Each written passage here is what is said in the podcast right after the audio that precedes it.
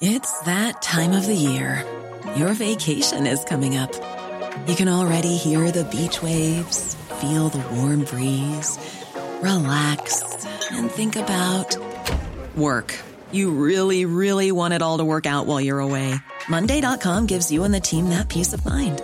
When all work is on one platform and everyone's in sync, things just flow wherever you are.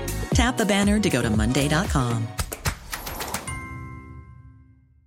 I'm Sandra, and I'm just the professional your small business was looking for. But you didn't hire me because you didn't use LinkedIn jobs. LinkedIn has professionals you can't find anywhere else, including those who aren't actively looking for a new job but might be open to the perfect role, like me. In a given month, over 70% of LinkedIn users don't visit other leading job sites. So if you're not looking on LinkedIn, you'll miss out on great candidates like Sandra. Start hiring professionals like a professional. Post your free job on linkedin.com/people today.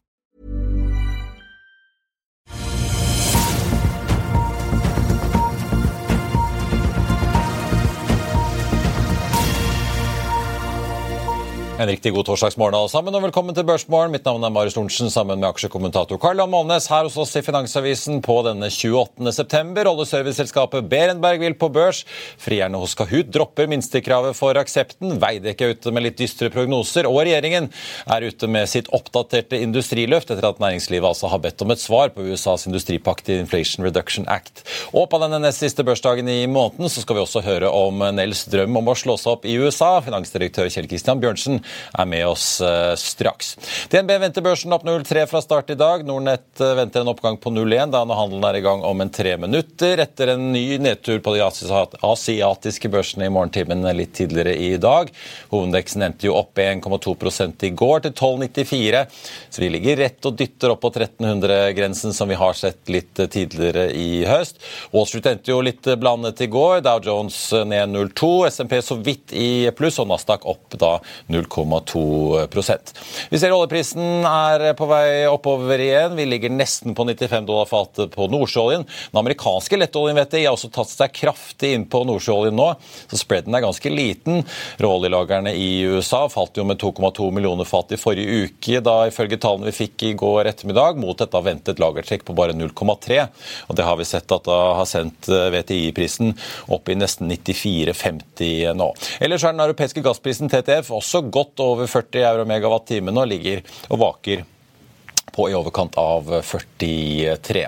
Og På FA.no kan du for øvrig lese hvorfor Akers sjeføkonom Torbjørn Kjus er rykende uenig i Aran Ristas spådom om et kraftig oljeprisfall mot slutten av 2024. Det ser ut til at vi får en ny børsnotering på Euronex Growth, som jo er en stund siden sist. Berenberg, oljeservicekonsernet, vil nemlig på børs og hente 250 millioner kroner i en emisjon i samme vending. Selskapet eies jo i dag primært av Segula. Oljeserviceselskapet leverer hovedsakelig da tjenester og produkter innenfor områdenes isolasjon, stillas og overflate. og Vi skal selvfølgelig holde et øye med prosessen der videre. Veidekke er ute med sin konjunkturrapport i dag, og de venter at produksjonen i den skandinaviske entreprenørnæringen vil avta med da 13% frem til slutten av neste år. Selskapet skriver at sentrale drivkrefter som lange markedsrenter, arbeidsmarked og demografi tilsier at eh, markedet vil ha passert bunnen da innen utgangen av 2024, men visibiliteten for 2025 er ennå begrenset. Vi får for øvrig besøk av Veidekkes analysesjef eh, da i Økonominyhetene 14.30. Og Når vi først snakker konjunktur, så må jeg også nevne at SSB er ute med nye tall for varehandel. Den falt med 0,3% i august, etter et fall på 0,9 i juli. Og i tallene så kommer det da frem at det er et ganske bredt fall. Kjøp av drivstoff falt eh, mest. Dagligvare og butikk med klær falt også, men netthandelen var én sektor som viste litt eh, oppgang. Og nå klokken halv ni så satte regjeringen i gang presentasjonen av får vi si, fase to av sitt grønne industriløft. 20 milliarder har blitt delt ut til batteri og havvind så langt. Nå deler de ut 15 milliarder til da, til grønn omstilling gjennom egenkapital, garantier og lån og tilskudd. Og pengene fordeles via kanalene da Nysnø, Innovasjon Norge, Eksfin, Siva og Investinor i all hovedsak. God morgen, eh, Karl Johan. Du, før vi tar med Nels, tenkte jeg bare Skal vi ta litt om hva som utspant seg på Oslo Business Forum forum som har eh, blitt avholdt oppe på Lillestrøm denne uken. Ja, dette er jo en kjent finansprofessor fra New York Stern University. Han er, han er value, kurs i value investing. Da. Så, og Det han tar for seg, er jo det som, det som har skjedd med at BlackRock, som har da solgt ESG-fond, e som like gjerne kunne vært solgt som indeksfond. Så det har jo vært veldig lønnsom business å ta 1% margin for, for å ha aksjer med Microsoft og Google og, ja, og Facebook. Og, så det, er jo lite, det er lite karbon i den eh, amerikanske indeksen. Og Hvis du da gusser dette her med litt plug power-aksjer og litt forskjellig, så, så, får du god avkastning. Og det har jo vært fantastisk avkastning, så det er jo ingen som har mistenkt at det de har blitt gjort. Men du kunne like gjerne kjøpt indeksfond og spart og fått det samme. i året. Og, for det, det, er jo litt sånn i USA at eh, ikke spør om pris hvis du kan håndtere volumer. Så eh, svindelen er alltid stor når det er svindel. Det er ikke småpenger det svindles for. Det her har de funnet noe stort, så de kan lure mange på samtidig. og folk har gått frem på. Vi hadde miljøinvesteringer før det var ESG, og vi kommer til å fortsette å ha miljøinvesteringer etter ESG. Så ESG det jeg tror nok sånn som konsulenter som har drevet og solgt sånn ESG-rapporter til en halv million kroner stykket, de de vil merke det mer enn en investeringer. For det, ja, for det er ikke miljøinvesteringen i seg selv han nei. går ut mot, det er egentlig finansnæringens innpakking av det. da, for Han deler jo, deler jo liksom, misbruk av ESG. markedet opp i to kategorier. her, De som lar seg lure, og de som går inn for å tjene penger på å lure andre. Og der er BlackRock midt i bullseye, altså. Ja. Det er bullshitten. Men eh, nå nevnte vi Next Growth som Berenberg. De driver jo inn olje, så det er jo litt annen sektor. Men ja. Eh, er det også litt alle noteringene vi så der, med veldig mye powerpoints og, og lite reell virksomhet i bunnen, men at man ble fristet til å sette penger i fremtidige ambisjoner, som eh, han også går i rette med, eller? Nei, men det er klart pandemien forsterker jo alt dette her, ikke sant. Så dermed så fikk jo du at Nell gikk fra 5 kroner til 35, Plug Power gikk fra 5 til 70. altså det er alle de bevegelsene som du har sett i de norske aksjene, har du også hatt i USA ganger to. Da. Mm. Så, det, det her, eh, så nå skal vi prøve å se hvordan Nell skal lande dette her, og hvordan vi kommer oss videre. For det er jo en ung industri, dette her. Og eh, det vil fortsatt være miljøinvesteringer, og det er spennende å høre hva de har tenkt å gjøre i USA. Vi skal høre Etter ja. reklamen skal vi høre hva som skjer på eh, bakken. Du, jeg tenkte, ellers En ting er Berenberg på, bud, på børs, det, der er det jo litt som skjer. Det skjer litt på budfronten nå.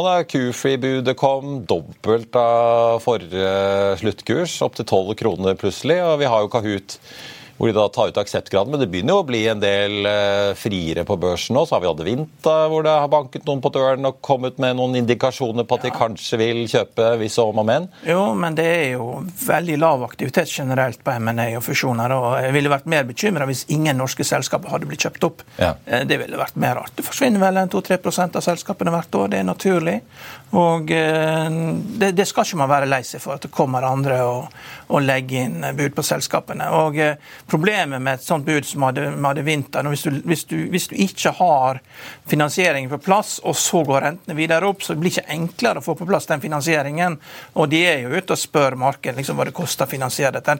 Du, du, kan ikke finansiere et vekstselskap som har free cashflow eh, liksom free cashflow yield på 3-4 med lån til 9-10 10 og mer. Det, det blir helt meningsløst. For å sitere Åshild Tveitereid, lån skal man unngå når man holder på med aksjer. Da er det bedre at de, Spesielt da hvis at de, disse her skal komme inn og få større kontroll, og så skal Skipsted og, og, og eBay fortsette å være med med en stor andel og være med å finansiere disse veldig dyre lånene for at andre skal kjøpe det opp og få kontroll med det. Det er helt meningsløst. Så her, her, gjelder det å være litt Man må være litt lur. altså. Schibsted er kjempeflink til å drive business, men uh, det, det, er utrolig mange måter de kan ødelegge det vinter på uh, hvis de ikke tar over. Det er helt slik at du ikke får ut de verdiene du skal, ved at du liksom kjøper inn og får et fotfeste i dette her, ja. uten å ta hele selskapet. Jeg øh, får bare nevne Adevinta-kursen. I og med at vi ikke vet hva Blackstone og Co. eventuelt er villige til å betale, ligger de nå på en 106. De fikk seg et kraftig løft. Kahoot ellers ligger rett under budet på 35, 34,80. Og så har vi Kufi da, litt ned. De doblet seg i går, ligger på 11,50. Budet er på 12. Thomas Nilsen, forvalter i First Hånd, påpekte jo litt herlig her på Twitter i går kveld at han, da han begynte i Carnegie sin, i starten av karrieren i 2003, så var noe av det første han fikk beskjed om å gjøre, var å regne på hva et Q-free kunne være verdt hvis noen kom og ville kjøpe det opp. og Da sa han kursen opp på rundt 20. Mm. Så man trenger litt tålmodighet og litt mer for å holde ut.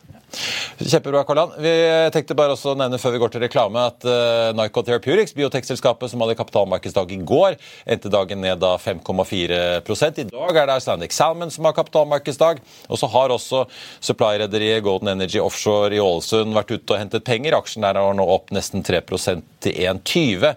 De hentet da 359 millioner kroner på én krone aksjen. Arctic Fearnley og Pareto var hyret inn for å bistå der. Vi er straks tilbake med CFO-en inn eller rett etter dette.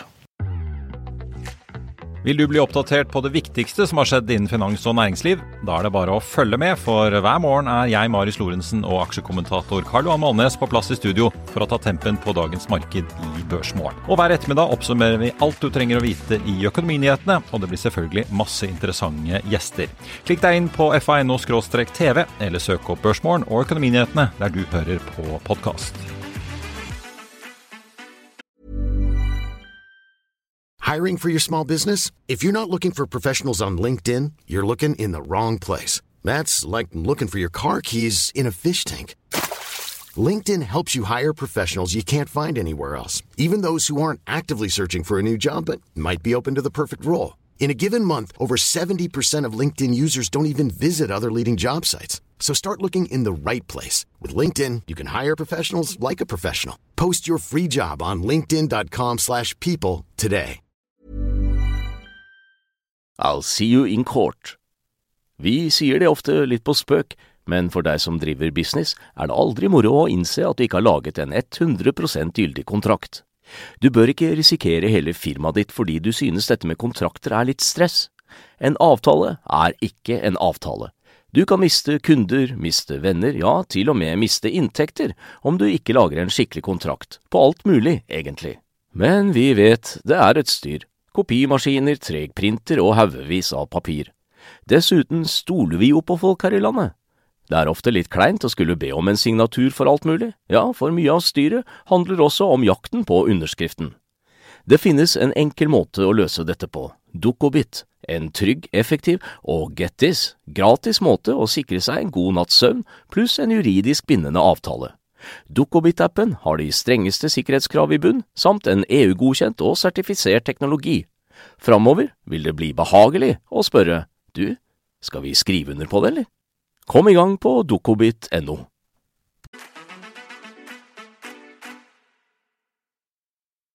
Drømmen om å slå seg opp i USA har jo alltid vært stor blant eh, mange. Onsdag fikk Nell-aksjen seg en opptur og steg nesten 4% etter at de altså annonserte at det er forstaden Plymouth utenfor Detroit, Michigan som altså blir stedet for deres nye hydrogenfabrikk. Eller jeg får vel egentlig kalle det elektrolysørfabrikk. Kjell Kristian Bjørnsen, finansdirektør i Nell, velkommen og god morgen.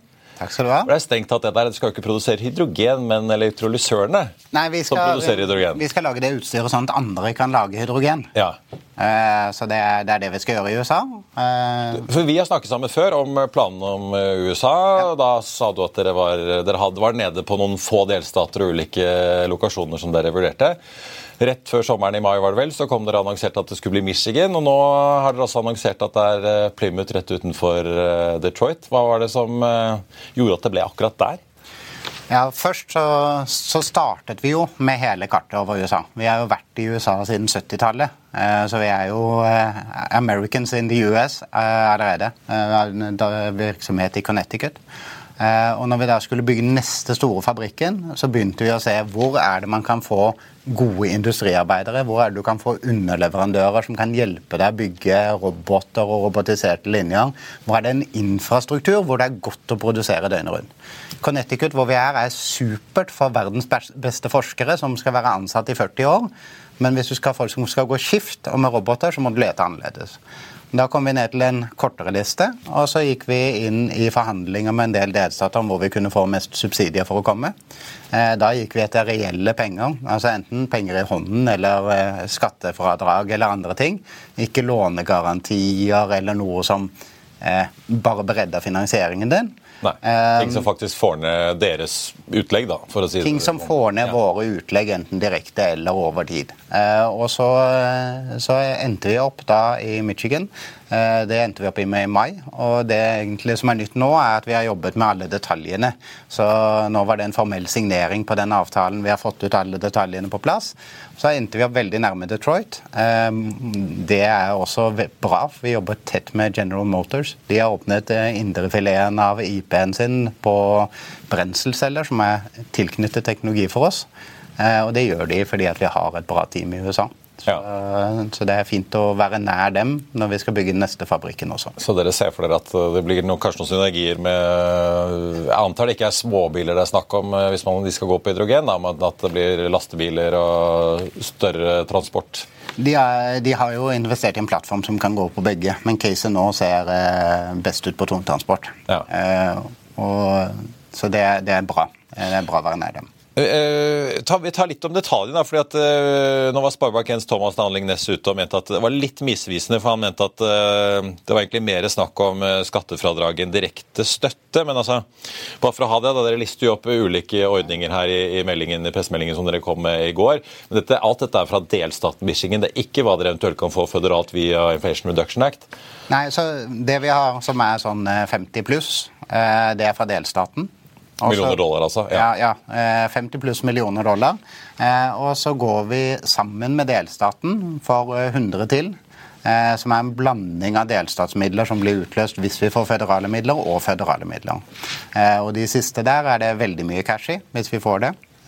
Så det blir jo den spennende jobben vi fortsetter videre med. Så dere kan få inn 150 150 millioner dollar opp mot eh, på de programmene vi går etter nå. Ja. Eh, og så har vi fått uh, i løpet av det siste året 11 millioner dollar fra Department of Defense i direkte forskningsstøtte. Uh, så, som ett av flere ting vi får. Så uh, amerikanske myndigheter er veldig glad i å støtte hydrogen. Eh, og vi er ganske tett på dem, så vi har fått mye penger over tid. Men si litt da, fordi Fearnley har jo også snakket om eh, kapitalbehovet deres. Så har jo de et regnestykke hvor de mener at dere må hente 2,2 milliarder kroner. Ja. Nå har dere jo kjørt en del emisjoner opp gjennom årene for å finansiere veksten deres. Men denne fabrikken i USA, det er jo ikke småtterier dere har planer om. Dere snakker jo om en 4 gigawatt av begge de to typer elektrolysørene dere bruker, altså alkalisk og PM. Mm. Herre er vel på 500? 500 i dag. Det er jo noen snart, ganger snart eh, her, ja, det er snakk om her. Har dere noen idé om hvor, hvor, mye dette anlegget i Michigan vil koste da? Ok, Hvis dere kan få 150 millioner dollar i støtte, men hva, hva blir sluttregningen? Hva, hva må, hvor mye mer må dere hoste opp? Vi, vi, har jo snakket om, eh, og igjen før sommeren, at eh, sånn ca. 300 millioner dollar totalt. Og så er det litt timingforskjeller på de pengene, så skattefradragene kommer over tid. Eh, tilbake til finansieringsbehovet. Eh, det analytikere påpekte, var at eh, vi kanskje må hente noe penger i 26 eller 27. Det er jo klart. Vi er en vekstindustri. Vi er starten på starten av en industrioppbygging. Vi ser at den viktigste usikkerheten vi har, er timing. Når skal vi ansette folk, når skal vi bygge linjene? Og vi har hele tiden hentet penger sånn at vi har nok til i hvert fall et par år frem. Blir det rusket i kapitalmarkedene et par år, så står vi godt gjennom den stormen. Eh, da har vi de pengene vi trenger for alt vi allerede har planlagt og litt til. Eh, og så tror jeg det å hente noen mer penger hvis vi eh, ja, tidobler eh, fra dagens eh, produksjonsbase basert på eh, gode kontrakter med, med, gode motparter, det burde ikke være veldig umulig. Så, så, det er ikke noe vi er bekymret for. Men Hva er tidslinjen her nå fremover? da? For Dere poengterer jo i meldingen at dette er jo ikke et sanksjonert prosjekt Nei. hvor det har vært noe endelig investeringsbeslutning ennå. Har dere en tidslinje for når det og eventuelt bygging kan starte? I, eh, jeg antar du har det internt? så ja. Nei, men eh, Vi har eh, scenarioer, og det må vi ha. fordi at hydrogen er i starten av starten. Og det er altfor mange selskaper som er bastante i Powerpoint. Det fins masse kapasitet i Powerpoint, og noen eh, sier tomme fabrikkbygg eh, fra folk som ikke har levert et eneste anlegg til en kunde, som har stått i felt i mer enn fem år.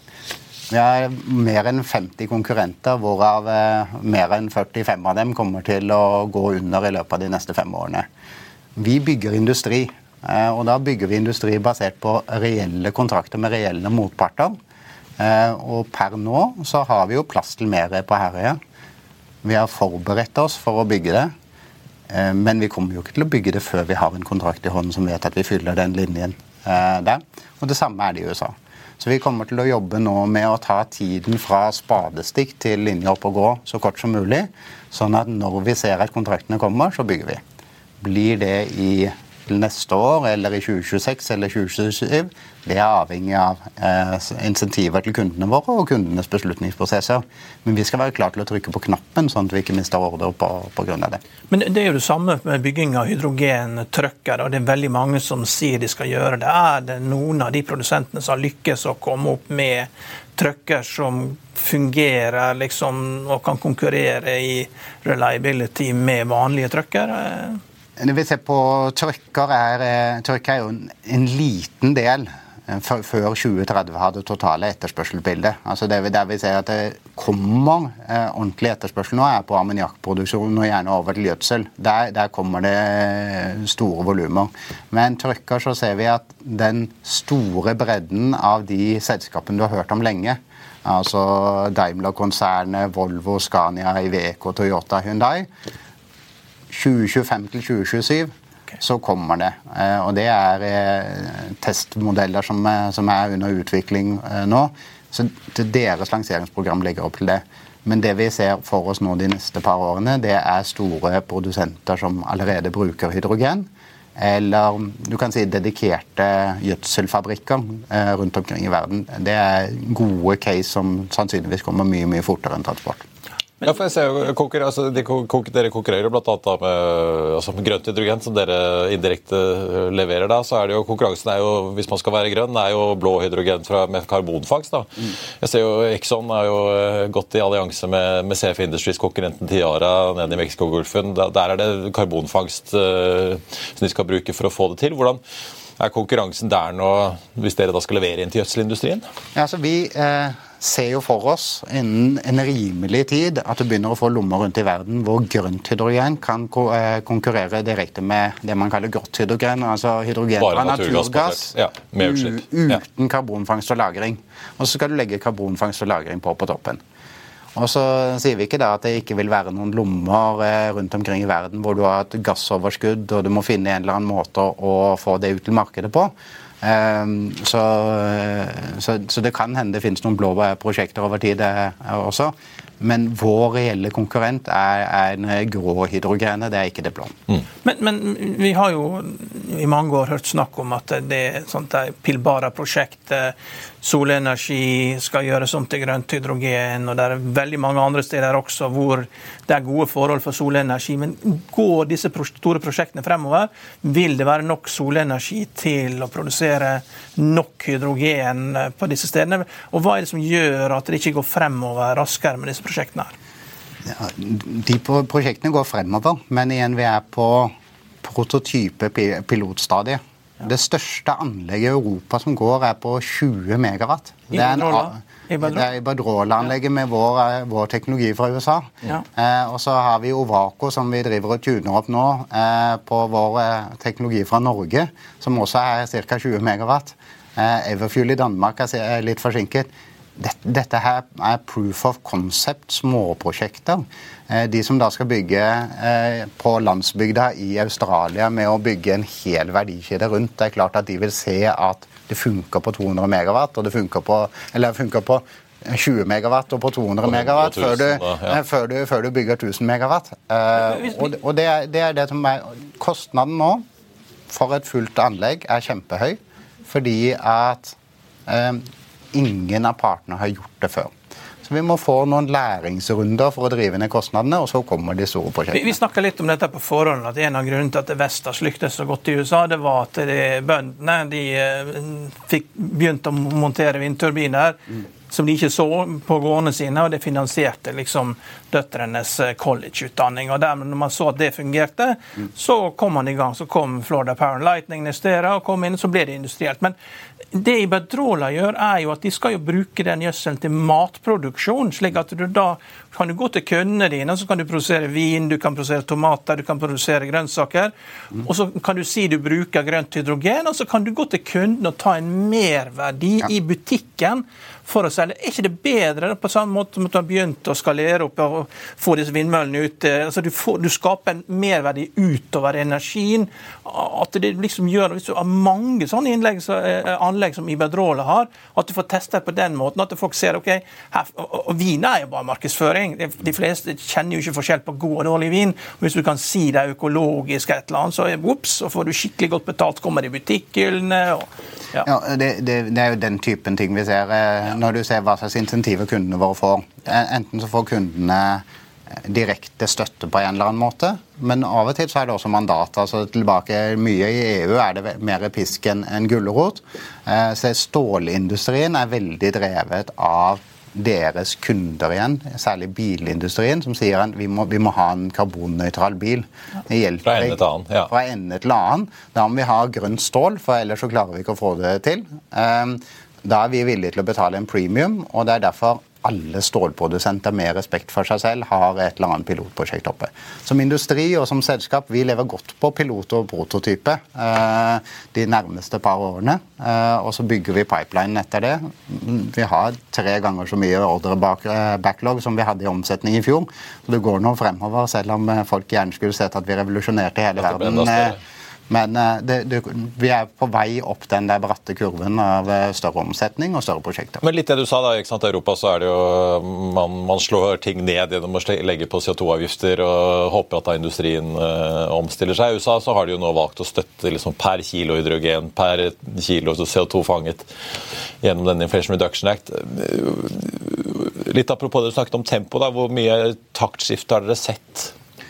Eh, vi... Nå faktisk skjer i USA. Hva tror dere vil skje eh, fremover? For én ting er jo at dere også selvfølgelig da venter på kunder og sånn, men jeg antar også dere må jo legge en plan hvis dere skal komme innenfor IRA her for å få denne støtten og Ja, og eh, selvfølgelig så er det lurt å produsere i USA for det amerikanske markedet over tid. det vi ser på Inflation Reduction Act, når den ble annonsert, så var det veldig få prosjekter som var modne. og Så begynte man prosjektmodningen veldig fort. Eh, i USA. Men det de venter på mange nå, er endelig avklaring av detaljene. Altså Hvor nært i sted og tid må den strømproduksjonen, den grønne strømmen, være for at eh, hydrogenet skal regnes som grønt? Må du koble deg direkte, eh, eller kan du kjøpe grønne sertifikater? Kan du snitte over måneden eller kvartalene eller året? Den byggeklossen må på plass, og den vil være avgjørende for en god del prosjekter. I, og det kommer i form av eh, altså fra embetsverket i Washington? Den er form, ja. varslet rundt jul, og så får vi se. Eh, I EU så har vi eh, altfor mange programmer med altfor komplekse regler, hvor du må søke på omtrent på prosjektbasis. Og så smører de ut mye færre penger enn Inflation Reduction Act over hele det der virkemiddelspekteret, og så blir det ikke noe kraft. Dessverre. Men, eh, ja, så, men, da er det en eller annen gang første halvår neste år dere kanskje da kan få en avklaring på om dette prosjektet i Michigan kommer inn under IRA? Typ om du har et kraftverk nær nok med grønn kraft? og Altså, vårt, vårt anlegg eh, kommer ikke til å få penger direkte fra Inflation Reduction Act. Eh, vårt anlegg skal levere til de som får penger fra Inflation Reduction Act. Eh, også, altså Du får ikke for elektrolysøren, det er jo på selve produksjonen? Det er, det er kundene våre, og det er, de som, det er de som tar de store investeringene. altså Hvis du ser på hydrogen- eller elektrolysørbransjen, den er jo ikke en kapitaltung industri. Ehm, det er, det er, det ikke i forhold til veldig mange andre industrier. Eh, det er kundene våre som, som går først eh, og tar læringskosten på vegne av hele industrien. Det er, det er, de som trenger de store subsidiene. Og så er det klart at eh, de subsidiene vi gjør, de er jo med og bestemmer om vi bygger i Europa eller USA, og hvor i USA vi bygger. Hvor man er interessert av å få grønne arbeidsplasser. Ja.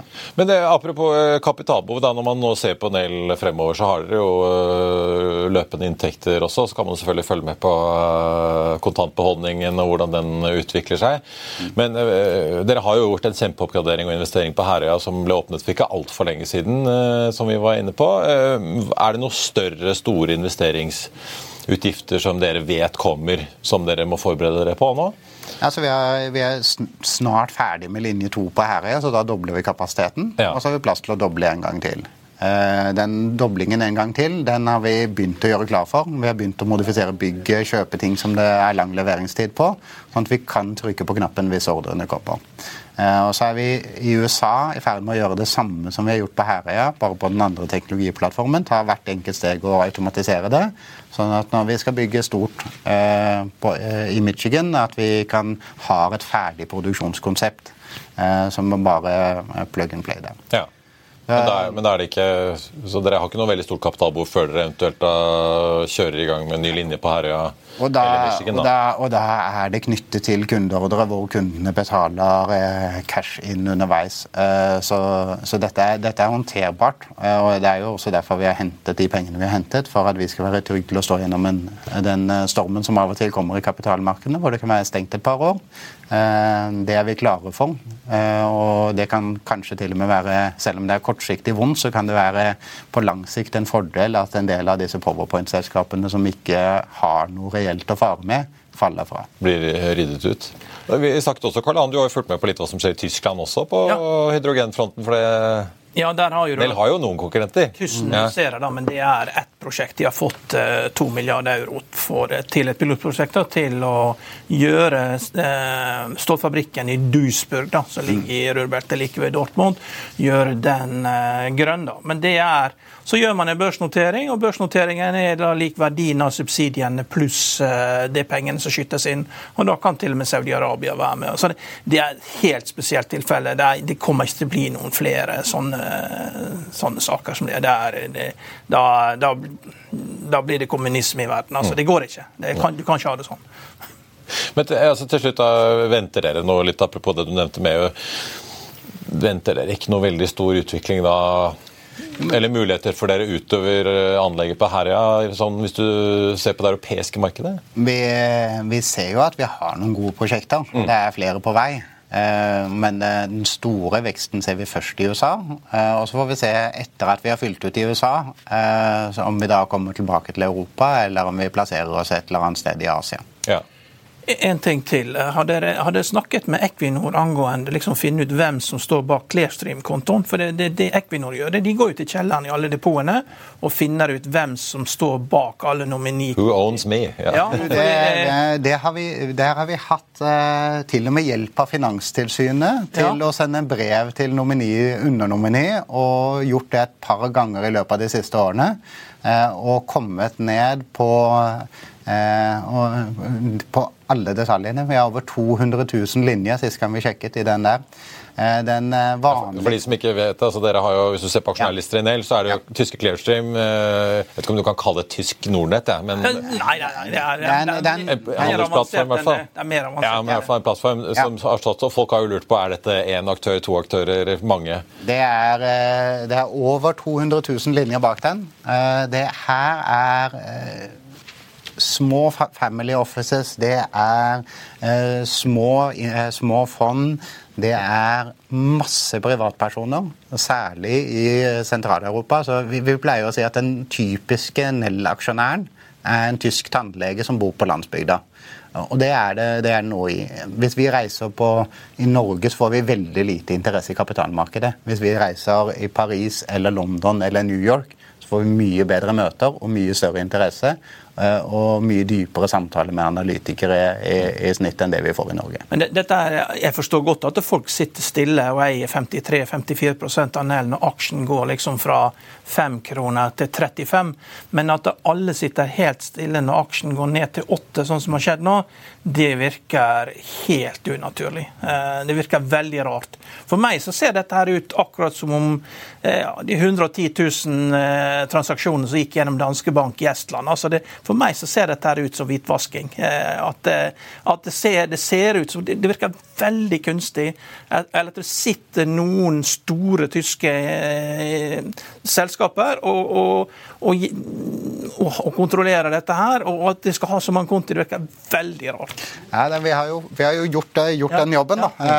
Eh, og, til og med hatt ekstern advokat inne og, hjelp fra Finanstilsynet. Så vi har kommet ned på personnummer på enkeltpersoner i Tyskland. Så så, den, den, den, den, er vi, den, vi, den vi helt trygge på at ingen prøver å skjule seg bak. Okay. Og, og, mye av bakgrunnen for det er eh, Dere aksjonær, som er mag magasin i Tyskland med ganske... Og tyske kollegaer som driver med det samme? Ja, ja og de, de, har vært tidlig på hydrogen. De har snakket om Nell mange ganger. Og de har snakket mye om Nell. Og det har nok skapt mye interesse rundt det. Eh, vi har merket de gangene vi har eh, vært på intervju der, at, eh, at vi har fått veldig mange henvendelser i etterkant. Kjell Kristian Bjørnsen, jeg har lovet at du må også få lov til å komme deg videre i dag ja. til den jobben du egentlig har også som finansdirektør da i Nell. Og Så får vi se da om det blir litt flere norske retail-investorer som er interessert i å satse på hydrogen. Takk for at du kom innom til oss, så skal vi følge spent med både på Inflation Reduction Act og hva som skjer på Herja. Takk skal du ha. Veldig greit svar. Helt på tampen så tenkte jeg bare å eh, nevne at uh, i tillegg da til Icelandic Salmon, som holder kapitalmarkedsdag i dag, så er, så er Sparebank1 ute med nye beregninger på TGS. De løfter kursmålet fra 1,65 til 200, gjentar sin kjøpsanbefaling. Det er jo da ikke veldig lenge siden de annonserte at de slår seg sammen med PGS, og at det er da TGS som blir det overlevende selskapet. Aksjen endte i går på 142,70. Hovedeksen nå opp 0,4% på en dag der altså oljeprisen igjen snuser på 95 dollar fatet. Det var børsmålen for denne torsdag 28.9. Husk å få med deg da Økonominyhetene 14.30. Da kommer altså analysedirektør Kristoffer Eide Hoen i Veidekke for å fortelle om de nyeste prognosene deres. I mellomtiden så får du som alltid siste nytt på FA1 og gjennom hele dagen. Ha en riktig god torsdag alle sammen. Vi ses.